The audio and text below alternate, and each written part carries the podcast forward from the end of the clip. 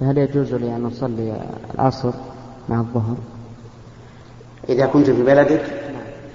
فلا يجوز. لا يجوز أن تجمع إلا إذا بدأت بالسفر. اللهم إلا إذا كنت تخشى أن لا تتيسر لك صلاة العصر مثل أن تذهب مع إنسان مثلا تخشى أن لا يقف إذا جاء وقت العصر أو في طائرة. لا تدري هل تدرك العصر في البلد الذي تقدم إليه أم لا. فلا بأس.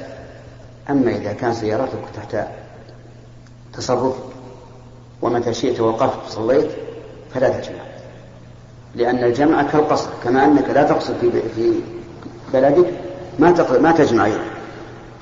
لكن الجمع إذا خاف الإنسان أن لا يأتي بالصلاة الثانية فله أن يجمع. فضيلة الشيخ بعض المساجد والجوامع يلحق فيها غرف يقام فيها مكتبة وبعضها فارغة وبعضها مستودعات. هذه الغرف ضمن آه، سوار المسجد. فهل يصح الاعتكاف فيها؟ وهل تعتبر مثابة القبة التي أمر النبي صلى الله عليه وسلم بضربها عندما أراد الاعتكاف؟ وما هو القول الراجح في أول بدء الاعتكاف وآخره جزاكم الله. الحجرة التي تكون داخل سور المسجد من المسجد سواء كانت مكتبة أو مستودعا أو غير ذلك. فحكمها حكم المسجد. إذا دخل الإنسان يصلي ركعتين قبل أن يجلس وإذا اعتكف فيها صح ولا يجوز فيها البيع ولا الشراء. المهم أن لها أحكام أن لها أحكام المسجد. وأما الاعتكاف فالصحيح أنه يدخل معتكفه قبل غروب الشمس ليلة العشرين.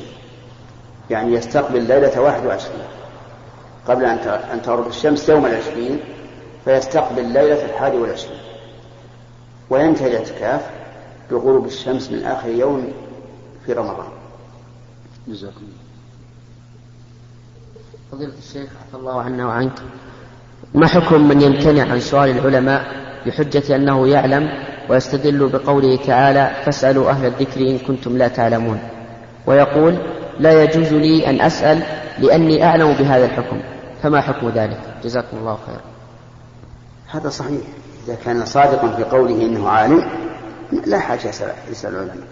لا ليس لديه علم يعني. أما إذا كان ليس إذا إذا كان ليس لديه علم فإن الله سبحانه وتعالى سوف يحاسبه على تصرف يعني لو أن لو أن الإنسان يعلم أن من أكل لحم إبل انتقض وضوءه.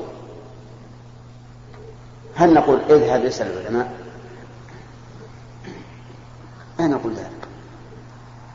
لكن إذا قال لا لحم الإبل لا ينقض الوضوء وأنا أعلم بذلك ولا ولا ولست بسائل العلماء فهذا هو المحذور أن يدعي لنفسه ما لا, ما لا يملكه.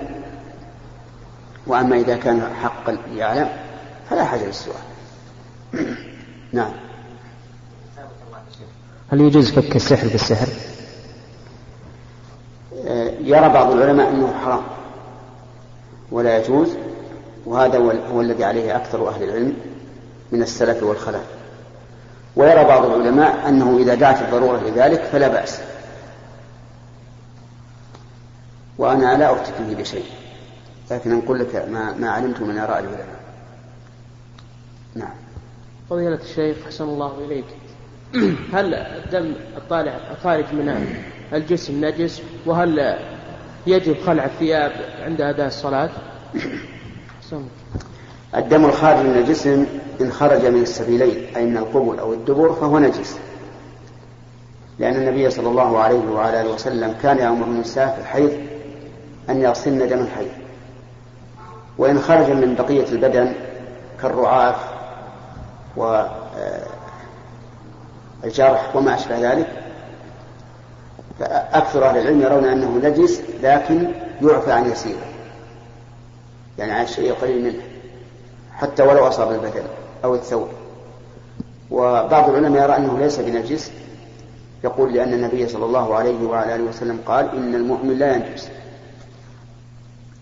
وكان الصحابة رضي الله عنهم في الجهاد تصيبهم الجراحة وتتلوث أبدانهم وتتلوث ثيابهم بذلك الدم ولم ينقل أنهم أمروا بغسله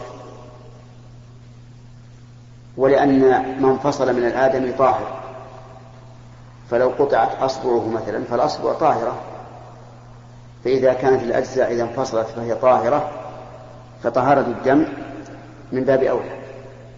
على أن الأجزاء التي تنفصل لا بد أن يكون فيها دم. لكن الاحتياط أن يغسله. إلا أن يكون شيئا يسيرا جرت للعادة فلا بأس أن لا يغسله. نعم. فضيلة الشيخ إذا توضأ الشخص لكن لماذا لماذا لم تسأل هل ينقض الوضوء أم لا؟ فنقول آه، إنه لا ينقض الوضوء. إلا ما خرج من السبيلين أما ما خرج من بقية البدن فإنه لا ينقض الوضوء سواء كان قليلا أم كثيرا. نعم. فضيلة الشيخ إذا توضأ الشخص فلما انتهى وجد بعض جزء من أعضائه لم يكمل الوضوء. فهل يمسح هذا الجزء أم يعيد الوضوء منه؟ أولا قولك هل يمسح؟ لا يستقيم لأنه ما في مسح إلا في الرأس. جزء شيخ بسيط من أي نعم. ولو كان جزءا بسيطا لا بد من غسله لكن يغسله ويغسل ما بعده. فمثلا إذا كان باليدين. نقول اغسل هذا الذي لم يصبه الماء وامسح رأسك وأذنيك وغسل رجليك. وإذا كان في رجلين نقول اغسله فقط لأنه ما بعد رجلين شيء. نعم.